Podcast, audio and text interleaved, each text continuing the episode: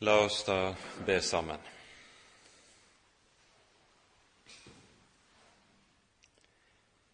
Kjære gode Herre, du som er den hellige og levende Gud.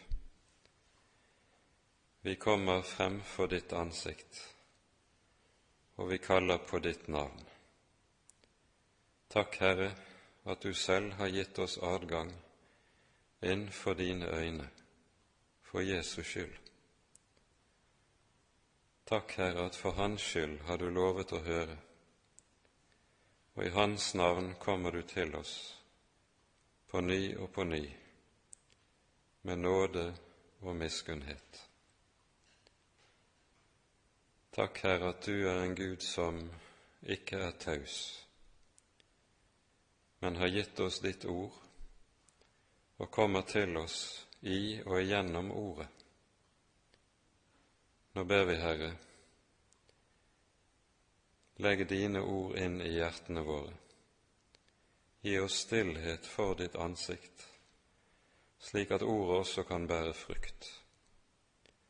Og lær oss, Herre, å forstå, forstå slik bare din Hellige Ånd kan gi oss. Det ber vi i ditt eget navn, og takker og lover deg, Herre, fordi du er god, og din miskunnhet varer til evig tid. Amen.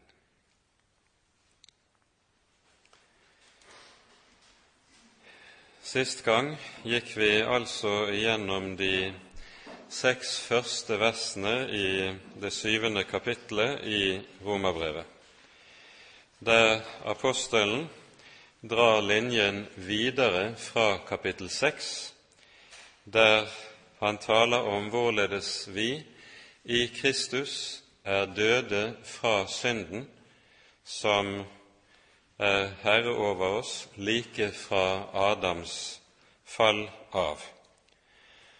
Og så tales det så i disse seks første versene i kapittel 7 om hvorledes vi også er døde fra loven.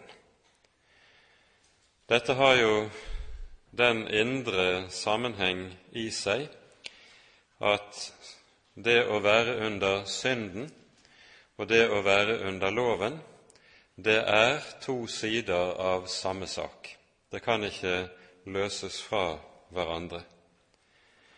Og om et menneske som lever i synd, aldri så mye føler at det ikke er bundet av loven, så er det likevel under loven, og Gud vil dømme det efter loven på den siste store dag, slik at en derfor også må svare regnskap for Gud i forhold til alt som var brutt overfor Guds hellige lov. Paulus bruker et bilde her.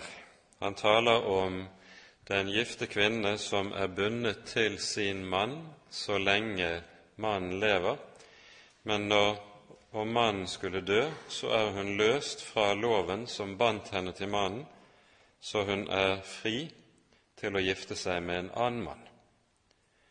Og på samme måte fris vi ved døden fra loven for at vi skal kunne høre en annen til, sier Paulus, nemlig Han som er oppstanden fra de døde, Herren Jesus Kristus. Det er et underlig faktum at innenfor eh, den rabbinske jødedom så finner du spor av noe av den samme tenkning. I Talmud så hører vi en utleggelse av Salme 88 vers 6. Eh, her er det en salme som bes fra avgrunnen, en som sitter i dypt mørke. Eh, og dette er en salme Vi kan i parentes bemerket si at dette er en salme som er en profeti om Messias lidelse. Men i vers 6 så møter vi et underlig uttrykk. Det sies eh, jeg er som en mann uten kraft, frigitt som en av de døde. Og så stiller en av de lærde innenfor datidens jødedom spørsmålet hva betyr dette? Jo, det betyr nøyaktig det at ved døden løses et menneske fra plikten på loven. Så det er nøyaktig det samme som vi altså hører hos Paulus i Romane 7. Videre er det slik i Salme 146 en salme som hørte med til de faste morgensalmene som ble bedt hver dag på, hver morgen på Jesu tid, og fortsatt blir det i dagens synagoge og dagens synagogeliturgi. Her står det slik i slutten av vers 7.: Herren løser de bundne. Her hører vi det sies eh, også innenfor den rabbinske jødedom, at dette er et løfte som sikter til Messias dager. Da skal båndene, trelldommen som loven har bundet mennesket i, oppheves. Så vi ser altså at innen enkelte grupper innen jødedommen så var det tidlig forkynt noe av det samme, som Paulus lærer oss her i Romanes 7. Men dette er jo da likevel slik at dette ikke ble den herskende eller den rådende oppfatning innenfor jødedommen. Denne frihet fra loven, den er det apostelen taler om videre i kapittel 7. Men her tar han opp to sentrale spørsmål i fortsettelsen, hvis vi leser fra vers 7 av, så kan vi dele kapittel 7 inn i avsnittet fra 7 til 14, eh, der apostelen taler om hva som er lovens virkning, oppgave og gjerning, og dernest fra vers 14 eh, og fra vers 15 av og ut kapittelet så tales det om forholdet mellom det gamle og det nye mennesket. Og der saken er at det er helt avgjørende for å tenke rett om helliggjørelsen, at en også har en rett forståelse av forholdet mellom det gamle og det nye mennesket. Da leser vi eh, fra kapittel 7, fra vers 7 og ut kapittelet. Hva skal vi da si? Er loven synd? Langt derifra. Men jeg kjente ikke synden uten ved loven, for begjærligheten kjente jeg ikke dersom ikke loven hadde sagt, du skal ikke begjære. Men synden tok anledning av budet og virket alskens begjærlighet i meg, for uten lov er synden død. Jeg levet en tid uten lov, men da budet kom, ble synden levende igjen. Jeg derimot døde, og budet som var til liv, det ble funnet å være meg til død. For synden tok anledning av budet og dåret og drepte meg ved det.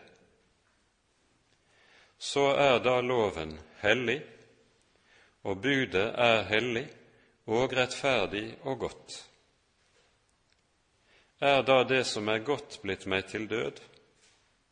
Langt derifra. Men det var synden, for at den skulle vise seg som synd, idet den voldte meg døden ved det som er godt, for at synden skulle bli overvettet syndig ved budet. For vi vet at loven er åndelig. Jeg derimot er kjødelig, solgt under synden. For hva jeg gjør, vet jeg ikke. For jeg gjør ikke det som jeg vil, men det jeg hater, det gjør jeg. Men gjør jeg det som jeg ikke vil, da vitner jeg jo med loven at den er god. Men nå er det ikke mere jeg som gjør det, men synden som bor i meg. For jeg vet at i meg, det er i mitt kjød, bor der intet godt.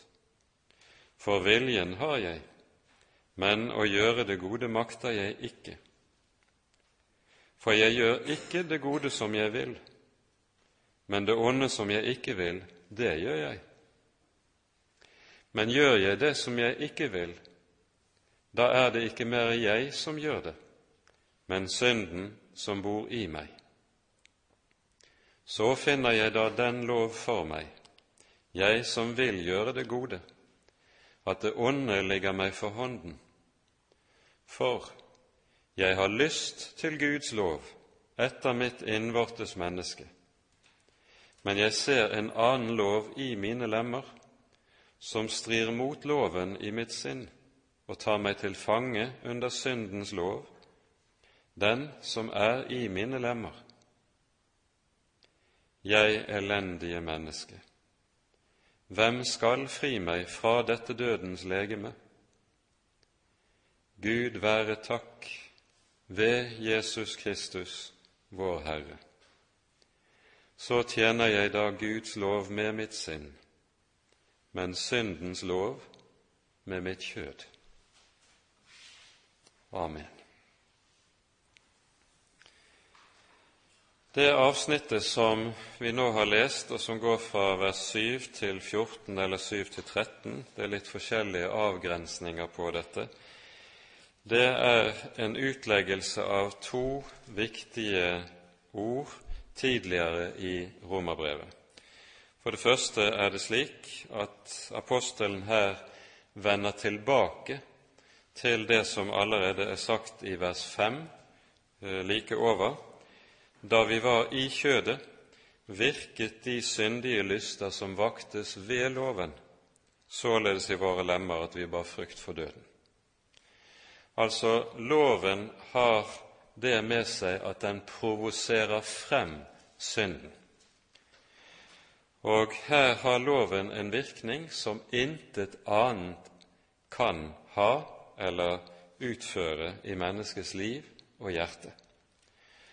Dernest er det også slik at, som vi har vært inne på tidligere i kapittel 3, fra vers 19 og 20, der hører vi hvorledes apostelen taler om loven som det grunnleggende erkjennelsesmiddel dersom mennesket skal lære seg selv og sin synd å kjenne. Vi vet at alt det loven sier, det taler den til dem som har loven, for at hver munn skal lukkes og hele verden blir skyldig for Gud, ettersom intet kjød blir rettferdiggjort for ham ved lovgjerninger. For ved loven kommer syndens erkjennelse. Og så har vi jo også det viktige ordet i kapittel 5, vers 20, der det står slik:" Loven kom til for at fallet skulle bli stort, men hvor synden ble stor, ble nåden enda større. Det apostelen altså gjør her i kapittel 7, det at han tar opp dette, denne tråden som han altså har berørt i flere sentrale avsnitt tidligere i romerbrevet, for nærmere å utlegge hva det egentlig er som skjer når loven kommer inn i et menneskes liv og et menneskes hjerte og gjør sin gjerning. Det er så å si tale om en slags syndens psykologi som apostelen her avdekker for oss og vil vise oss hvordan dette henger sammen i våre hjerter. Vi har tidligere også minnet om det sentrale ordet i 1. Korinterbrev 1556, der apostelen også skriver slik syndens kraft er loven. Poenget i det som vi nå er inne i, det er når Paulus taler om dette, så sier han jeg kjente ikke synden uten ved loven, for begjærligheten kjente jeg ikke dersom ikke loven hadde sagt du skal ikke begjære. Med dette er det flere ting som blir klart.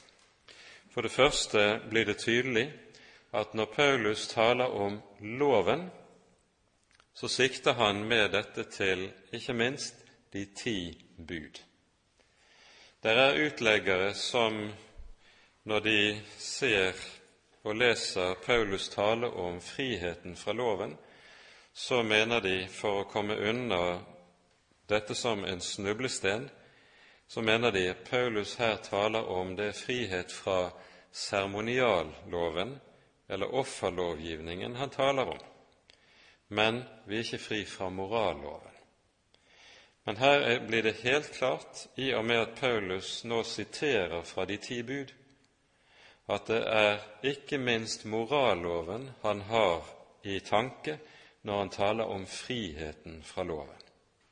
Det er denne en kristen er død ifra. Jeg kjente ikke begjærligheten dersom ikke loven hadde sagt du skal ikke begjære. Poenget er jo med dette at dette siste budet i våre lister på de ti bud, så er det jo både det niende og tiende budet som innledes med ordene 'du skal ikke begjære', men i 2. Eh, Mosebok 20 regnes dette som ett bud. Poenget er at 'du skal ikke begjære'. Med det sier budet at her tales det ikke bare om våre ytre handlinger og vårt ytre liv. Det siktes også på menneskets eget hjerte. Selve det å ha lyst til å gjøre det onde, det er i seg selv synd. Det er det dette budet lærer oss.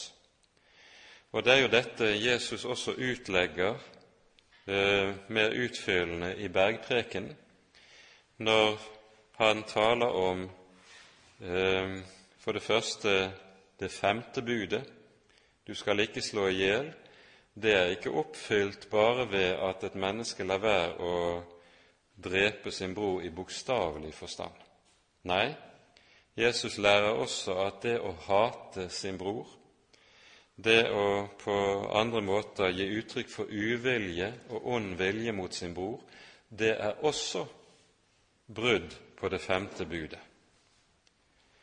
Og han taler om det sjette budet.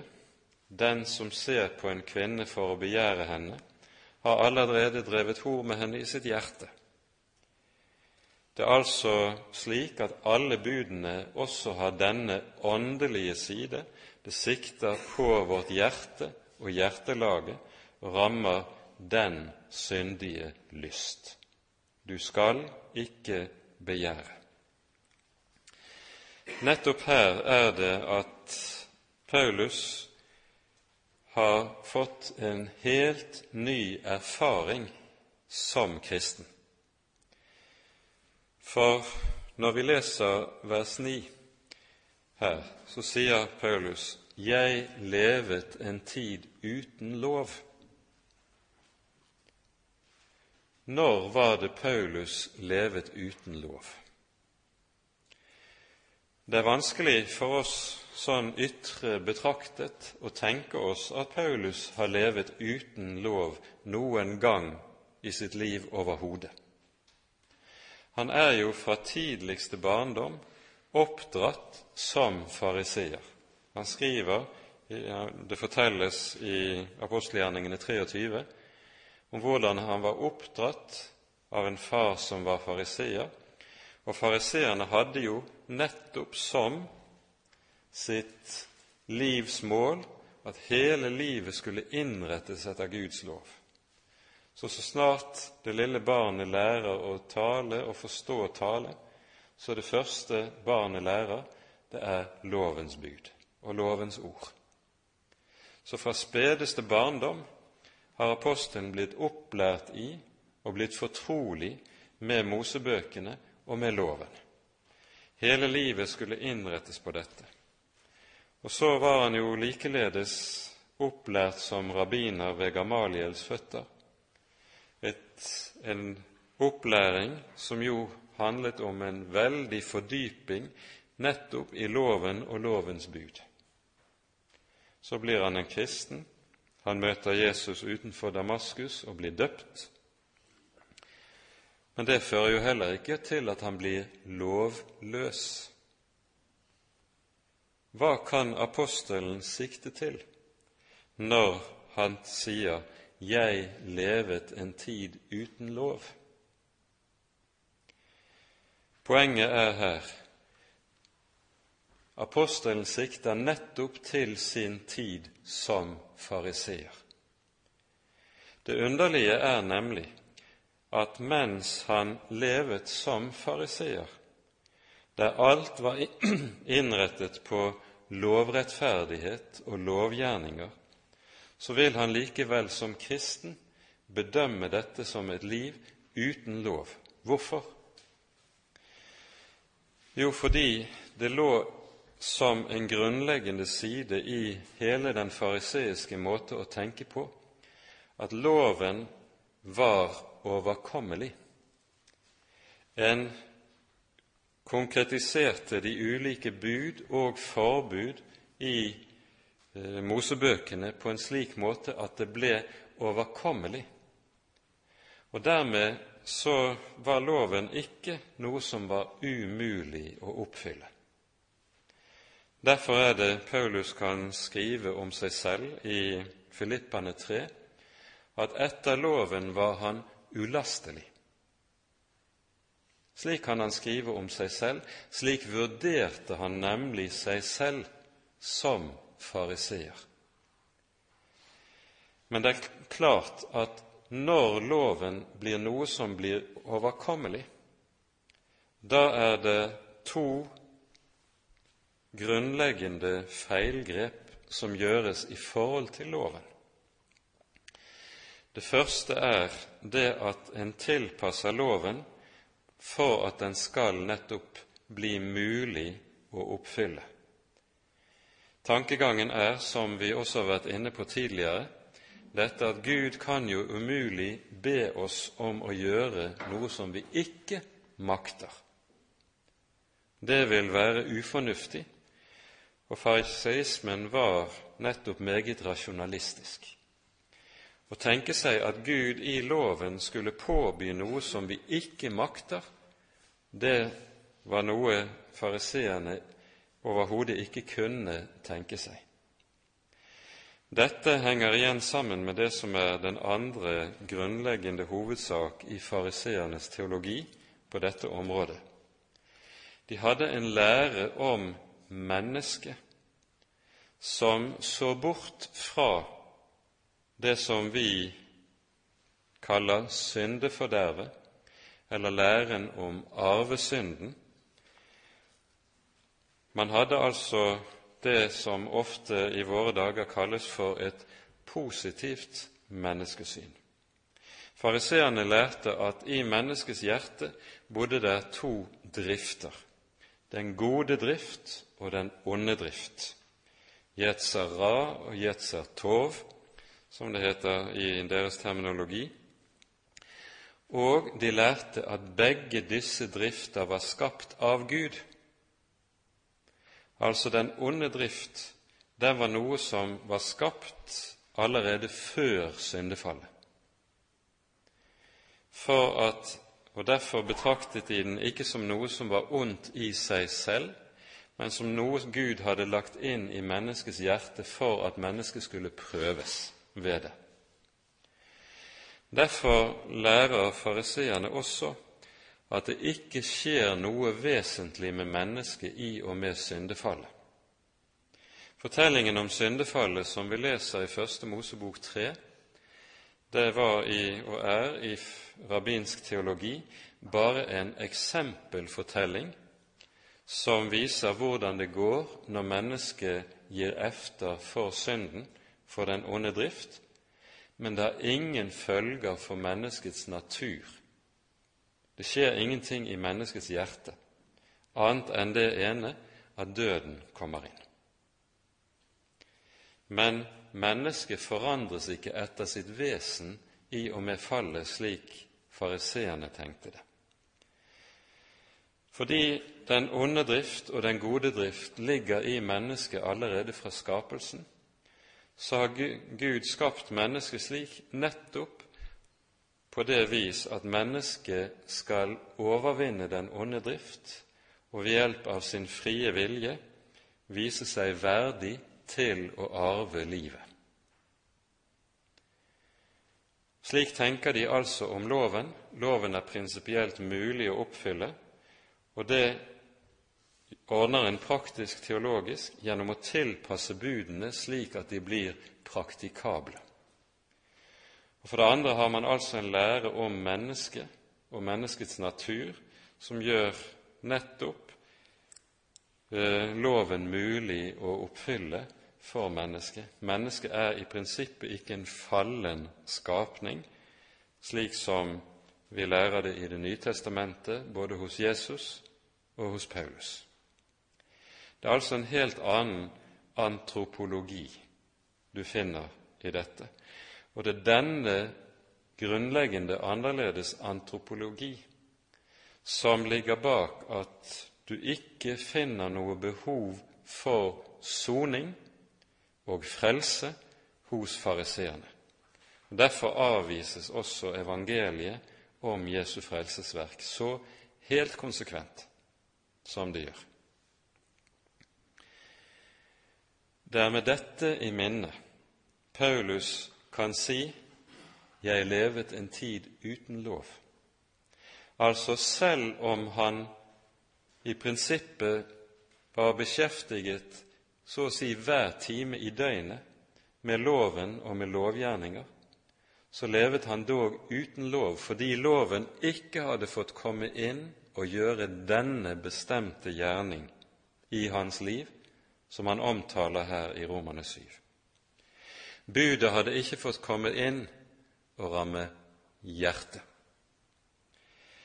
Det er dette Jesus taler om når han går i rette med fariseerne i kapittel 23 i Matteusevangeliet, der han taler om hvordan Vi leser i Matteus 23, vers 26.: Du blinde fariseer, Rens først begeret og fatet innvendig, for at det også kan bli rent utvendig. Poenget er når budet sier 'du skal ikke begjære', så innebærer det at all kamp mot synd i menneskets liv, den blir falsk dersom kampen ikke retter seg mot den onde lyst. Dersom jeg innbiller meg at kampen mot synd bare handler, handler om å få kontroll med de ytre utslag av synden, da bedrar jeg meg selv, da lever jeg uten lov. En rett kamp mot synden handler om å kjempe mot selve lysten til det onde. Du skal ikke begjære. Når mennesket begynner å ta det på alvor, da blir det trangt. Og det er jo det som skjer med Paulus. I møte med Jesus så skjer det noe også i det loven begynner å gjøre sin gjerning hos ham på en helt annen måte enn den hadde gjort mens han levet som fariseer. Han beskriver dette slik som vi her hører det. Men da budet kom, da ble synden levende igjen. Bokstavelig kan dette oversettes da budet kom, ble det liv i synden. Synden er nemlig slik, begjæret, den onde lyst, er nemlig slik at der det settes bom for den, der blir det akkurat som en demning som blir fylt mer og mer, slik at trykket blir større og større mot selve demningen. Og til slutt vil gjerne trykket bli så voldsomt at det brister, og så bryter synden løs. Dette erfarer ikke mennesket dersom det ikke tar opp kampen mot den onde drift i sitt eget hjerte. Du skal ikke begjære.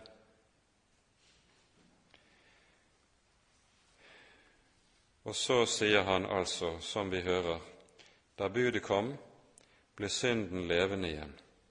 Jeg derimot døde. Dette viser på noe som er uhyre viktig å være oppmerksom på. Et menneske lærer ikke seg selv å kjenne i Guds lys før det kommer under lovens tiltale.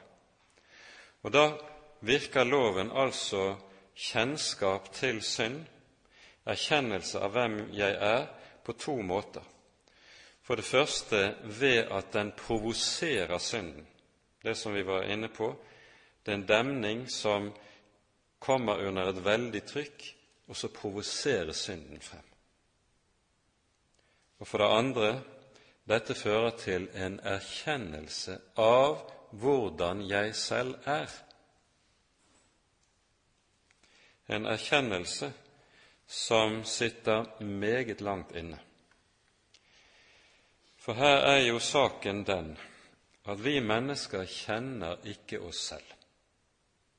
Vi kjenner ikke oss selv slik som Skriften lærer oss at vi er. Synden har også ført med seg en grunnleggende blindhet. Og det er nettopp for å fri oss fra denne blindhet som gjelder hvem vi selv er, Gud har gitt sin lov og gjør loven så skarp og så nærgående som han gjør den. Du skal ikke begjære. Den sikter på hjertet.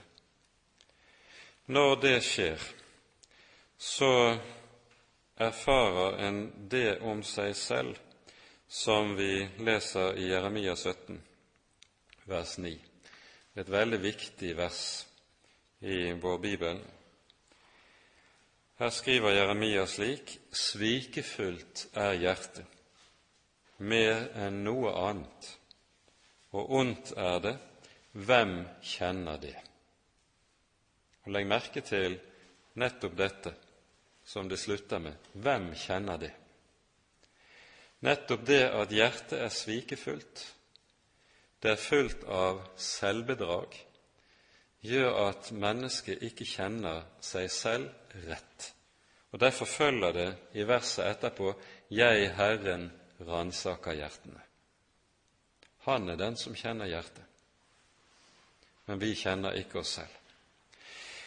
Men et par ord til om dette verset Jeremia 17.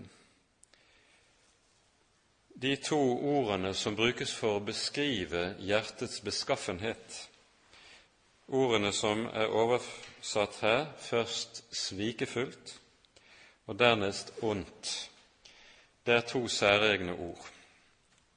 Svikefullt, det er det ordet som er stammen i patriarken Jakob sitt navn. Jakob betyr jo nettopp bedrageren, den som er bedragerisk, den som holder i hælen. Ordet som er oversatt med ondt, det betyr egentlig uhelbredelig sykt. Det er altså tale om en sykdom som ikke kan leges. Når det taler om dette hjertet, så er det altså tale om et hjerte som ikke kan leges. Hjertet kan ikke forbedres. Hjertet kan ikke forbedres om du aldri så mye strever på å forandre dette hjertet det er uforbederlig. Det kan ikke leges.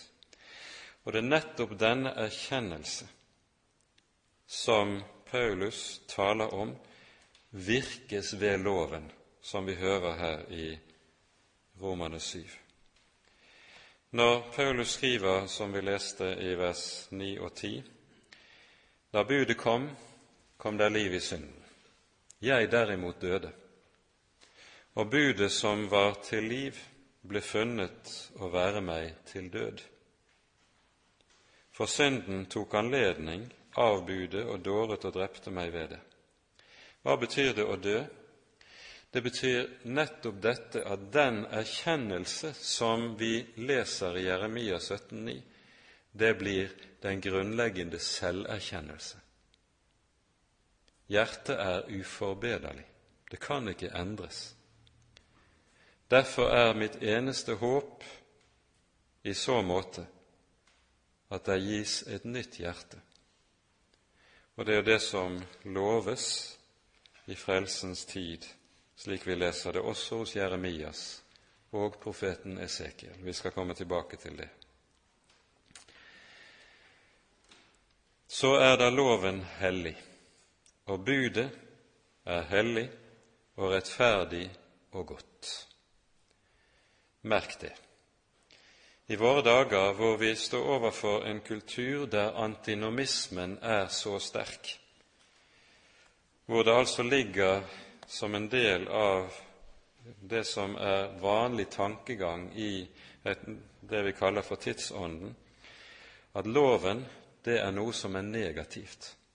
Det er noe som setter grenser for min selvutfoldelse. Og Derfor er en Gud som gir lover og bud, det er følgelig en Gud som er en ond Gud, en Gud som mennesket ikke vil ha noe med å gjøre. Dypest sett er det denne tankegang som kommer til uttrykk f.eks. i det vi møter i homofilispørsmålet i kirkene. Når man sier at de bud som Gud har gitt, og som dreier seg om seksualiteten, ikke gjelder ikke er gode, det er noe som hindrer menneskets selvutfoldelse. Da sier man dypest sett den Gud som har gitt disse bud, er en ond Gud. Det er konsekvensen av tankegangen. Og det er det dype, den dype nød i det som skjer i kirkene i dette spørsmålet. Det handler altså ikke bare om et enkelt bibelvers eller to som man ønsker å sette til side, men det handler om at en baktaler Gud, Bibelens Gud. Det er et vers hos profeten Oseas i det syvende kapittel som uh, setter ord på dette. Der sies det slik:" Jeg ville frelse dem, men de talte løgn om meg. Ja, slik møter vi det. Så stilles Paulus nå spørsmålet i vers 13 på ny. Er da det som er godt, blitt meg til død? Langt derifra. Men det var synden for at den skulle vise seg som synd, idet den voldte meg døden ved det som er godt, for at synden skulle bli overrettet syndig, altså dette kan også oversettes kunne bli grenseløst syndig ved budet. Det var altså for at synden skulle vise seg som synd. Merk det uttrykket. Hva betyr det at synden skal vise seg som synd? Det ligger ganske mye i dette uttrykket. Men la meg peke på kort på fire viktige hovedsaker. Først det som lyder i Salme 51, vers 6, der David sier:" Mot deg alene har jeg syndet, og hva ondt er i dine øyne, har jeg gjort. Synd er det som er ondt i Guds øyne. Her er det jo slik at mye av det som Bibelen kaller synd, det er ting som i menneskers øyne kan oppfattes som noe som er godt. At noe viser seg som synd, slik som apostelen her taler om, det betyr at mennesket begynner å se seg selv med Guds øyne, hva ondt er i dine øyne, har jeg gjort. Det blir målestokken på meg selv. For det andre, når synden viser seg som synd, så innebærer det at en får en grunnleggende erkjennelse av hvor synden sitter. Jesus taler om dette i en rekke sammenhenger. I Matteus 12 taler han om og bruker bildet av treet og fruktene. Et ondt tre bærer dårlig frukt. Et godt tre bærer god frukt. Poenget er våre ytre gjerninger, det er følge av hva som bor i det indre, i hjertet. Det er der kilden ligger. Og i Matteus 15, vers 18 og 19 sier Jesus det er ikke det som går inn i mennesket som gjør mennesket urent, men det som går ut av mennesket. For fra hjertet kommer onde tanker, mord, hor osv. Så, videre. så listes det opp en rekke ting. Jesus beskriver altså menneskets hjerte som en kilde til alt mulig ondt. Synden er altså ikke noe tilfeldig som jeg gjør, altså at jeg blir synder fordi jeg gjør synd. Men det er motsatt. Jeg gjør synd fordi jeg er en synder. Det er en mørk kilde i dypet av mitt eget vesen. Den erkjennelsen skaper loven når den kommer inn. For det tredje viser synden seg som synd ved at jeg erkjenner det som står i Romane 8,3 det som var umulig for loven, fordi den var maktesløs på grunn av kjødet. Det gjorde Gud.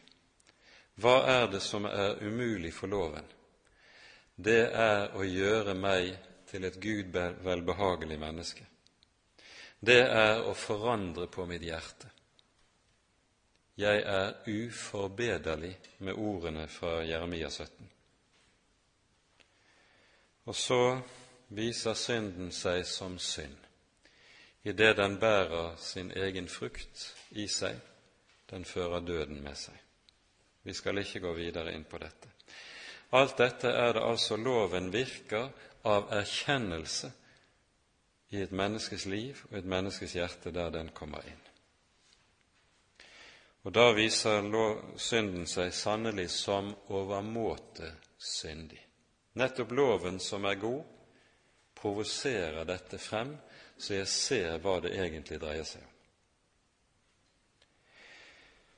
Når vi så kommer til det neste avsnittet, så taler Paulus om sin egen erfaring under loven. Og dette avsnittet er overmåte betydningsfullt å forstå rett. Her taler vi altså om forholdet mellom det gamle og det nye mennesket. Men her møter vi i teologihistorien flere ulike måter å forstå dette avsnittet på. Når Paulus skriver som han gjør, f.eks. i vers 18 og 19.: Jeg vet at i meg, det er i mitt kjød, bor der intet godt, for viljen har jeg, men å gjøre det gode makter jeg ikke, for jeg gjør ikke det gode som jeg vil, men det onde som jeg ikke vil, det gjør jeg. Når en har lest dette, så er det mange som rent teologihistorisk har tenkt som så her kan apostelen umulig tale om seg selv som kristen, som troende. Her taler han om noe han erfarte før han ble et troende menneske for slik å lide nederlag for det onde i sitt eget bryst. Hvordan kan det sies om en så stor og en så hellig apostel som Paulus? Nei, det er altfor urimelig. Slik leser f.eks. Eh, John Wesley dette avsnittet, og det er vanlig å forstå det i alle retninger og bevegelser som følger hans tenkning om helliggjørelsen. De følger han også på dette området. Vi skal se litt nærmere på det. Saken er jo den, og det gir seg ut fra hele sammenhengen i dette avsnittet, at her er det helt klart at apostelen taler om seg selv som troende, han taler om seg selv i nåtid. Du kan legge merke til at i avsnittet fra vers 7 til 13 så taler apostelen vesentlig i fortid når det gjelder verbalformene, mens her, i dette avsnittet fra vers 14 og 15, så taler han i nåtid. Hvorfor gjør han det? Jo, det er nettopp for å beskrive noe som er den grunnleggende opplevelse og erfaring som kristent menneske. Og her ser vi en grunnleggende forskjell på og sammenheng mellom kapittel 6 og kapittel 7. I kapittel 6 taler apostelen om det som er grunnleggende for troen, og som vi ikke kan se, erfare og føle og oppleve, nemlig at vi er korsfestet med Kristus, døde og oppstandende med ham, og derved også døde og frie fra synden. Det ser du ikke. Det føler du ikke. Det opplever du ikke. Det må du tro fordi det er noe som er gitt av Gud i og med frelsen på korset. Mens når vi kommer til kapittel 7, så taler apostelen nettopp om hva han opplever og hva han erfarer i det ytre. Og disse to tingene henger nøye sammen og står sammen i det kristne liv. På den ene siden må jeg tro det jeg ikke kan se og føle, og på den andre siden så erfarer jeg nettopp det som apostelen her beskriver. Hva jeg gjør, vet jeg ikke, for jeg gjør ikke det jeg vil, men det jeg hater, det gjør jeg. Men gjør jeg det jeg ikke vil, da vitner jeg jo med loven at den er god. Den viktigste grunnen til at vi her kan si at apostelen taler om seg selv som kristen i dette avsnittet, det ligger i måten han taler om seg selv, sitt jeg. Han sier 'Jeg vil gjøre det gode'. Vers 22.: Jeg har lyst til Guds lov etter mitt innvortes menneske. Altså, det kan også oversettes 'Jeg har glede i Guds lov etter mitt innvortes menneske. Han taler i vers 19 det gode som jeg vil. Han har altså en vilje, et jeg som vil noe ganske bestemt, nemlig det gode som er etter Guds lov, men han makter det altså ikke. Hva er dette jeg som vil det gode, og som har lyst til Guds hellige lov? Det er det gjenfødte mennesket det gjenfødte mennesket har nettopp som grunnleggende kjennetegn dette at loven er skrevet inn i hjertet. Det ugjenfødte mennesket, det hater Guds hellige lov. Det ugjenfødte mennesket, det elsker loviskheten, men det hater loven. Og det er det meget stor forskjell på. Det er viktig å være klar over. Det ugjenfødte mennesket hater loven. Det gjenfødte mennesket elsker loven. Så vær da klar over at dette er et av de viktigste og mest grunnleggende kjennetegnene på at du er født på ny, dette om du elsker Guds bud og Guds vilje og Guds lov. Du ser nok en annen lov i dine lemmer som drar en helt annen vei. Men det å leve etter og gjøre etter Guds vilje, det er dog en hjertetrang hos deg. Vi må lese nå fra Jeremia kapittel 31 først.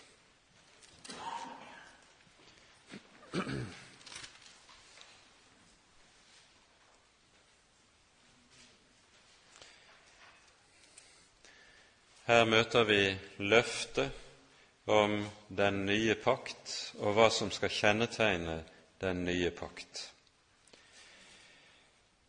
Jeremia kapittel 31 fra vers 31 til 34.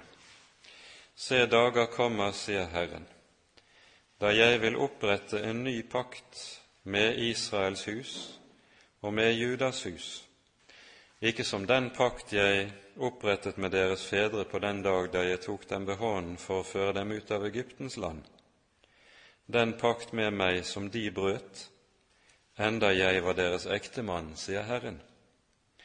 Men dette er den pakt jeg vil opprette med Israels hus etter de dager, sier Herren. Jeg vil gi min lov i deres sinn og skrive den i deres hjerte og jeg vil være deres Gud, og de skal være mitt folk. Og de skal ikke mer lære hver sin neste og hver sin bror og si Kjenn Herren. For de skal alle kjenne meg, både små og store, sier Herren. For jeg vil forlate deres misgjerning og ikke mer komme deres synd i hu. Det siste verset så ser vi at denne, den nye pakt, den er grunnlagt på syndenes forlatelse. Fordi syndene tilgis, så skjer dette som vi leser om her, at Gud skriver sin lov i deres sinn, legger den inn i deres hjerter. Mens loven fra Sinai var skrevet på steintavler, så skrives loven i den nye pakt inn i hjertene på hjertets kjødtavler, som er uttrykk som brukes av apostelen i Korinterbrevet, 2. Korinterbrev. Og Dette er nettopp det som vi møter hos Paulus i Romane 7, når han taler om at han har lyst til Guds lov etter sitt innvortes menneske. I den nye pakt er loven skrevet, skrevet inn i hjertet, slik at en hjertetrang for et, et kristent menneske å gjøre Guds vilje. Evnen svarer ikke til viljen.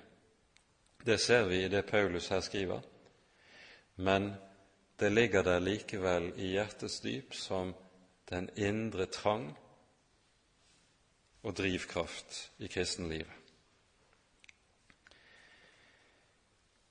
Så taler altså apostelen her om det gamle og det nye mennesket. Det gamle mennesket benevner han som kjødet i denne sammenheng, og det er jo et selve hovedordet i både denne delen av romerbrevet og i Jesu munn i Johannesevangeliet på det gamle mennesket. Mens det nye mennesket, ganske særlig når du kommer til kapittel 8, benevnes som Ånden fordi det er født av Guds hellige ånd. Hvordan er nå forholdet mellom disse to?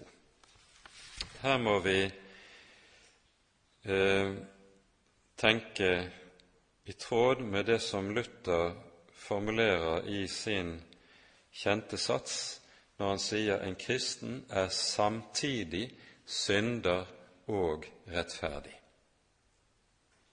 En kristen er samtidig begge deler. Hva innebærer det?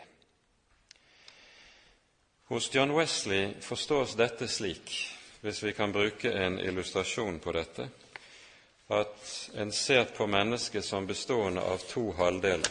Halvparten er svart, den andre halvparten er hvit. Når jeg blir født på ny, så skapes det en ny del av meg som er ren, den halvparten er hvit. Og så består helliggjørelsen da av at det som kanskje er 50% når jeg blir en kristen, gradvis skal bli mer og mer, sånn at til slutt så skal ideelt sett det aller meste av det svarte bli borte. Det skal ikke være stort igjen av det gamle mennesket hos meg. Devisen i John Wesley sin måte å tenke om helliggjørelsen på er i den kjente lille barnesangen bedre og bedre dag for dag. Det er sånn en tenker om helliggjørelsen. Det skal altså til slutt være slik at det teoretisk er mulig å bli syndfri. Og John Wesley skrev da også en bok om dette som han kalte kristelig fullkommenhet. En kristen kan bli syndfri. Og det er i hans spor alle disse retninger som har kommet senere i kirkehistorien, har fulgt, som taler om det samme, hvor man også mener, som du kan høre i enkelte av disse trosmenighetene i våre dager, at det å bekjenne synd, det er noe en kristen verken kan eller skal gjøre. For en kristen er jo syndfri.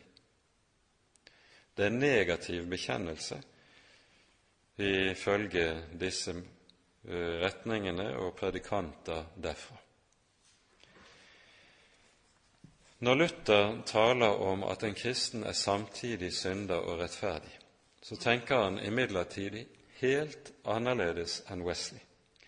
Han tenker ikke slik at jeg består av to halvdeler, 50% ren og 50% syndig.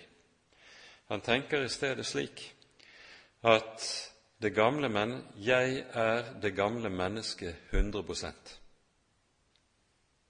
Samtidig er jeg også et nytt menneske 100% En kristen er altså to personer.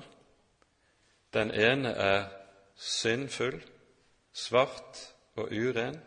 Den andre personen er fullkommen ren, hvit og hellig, like som Jesus er det. Han er to personer. Gamle Adam vil ikke kunne bli bedre, det er umulig å forbedre han, og han vil være seg sjøl lik like til han ligger i graven. Hva er da helliggjørelsen? Helliggjørelsen utspinner seg i en kamp mellom disse to, mellom det gamle og det nye mennesket. Og Denne kampen dreier seg ikke om at det skal bli mindre og mindre av gamle Adam, for det blir det ikke. Kampen dreier seg i stedet om hvem av disse to er det som skal styre og bestemme i livet mitt.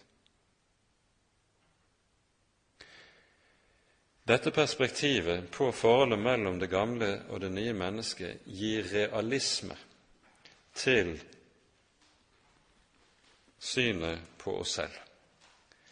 Da blir du ikke overrasket over om du skal ha levet som kristen i 40 eller 50 år, og du fortsatt kommer til å streve med de samme syndene som du gjorde i din ungdom. Sånn er det, for du har gamle Adam hos deg fortsatt. Du er 100% gammelt menneske fortsatt. Du er ikke fri gamle Adam før du ligger i graven. Men samtidig er du altså 100% nytt menneske. Det gamle er forganget, alt er blitt nytt, skriver Paulus i 2. Korinterbrev kapittel 5, når han taler om det nye mennesket. Og hvordan foregår nå kampen mellom det gamle og det nye mennesket? Jo, her er det nettopp de sannheter som vi har vært inne i i Romane 6 og i Romane 7, der det handler om det å akte seg som død for synden og levende for Gud i Kristus. Det er helt avgjørende i denne kamp, i denne strid.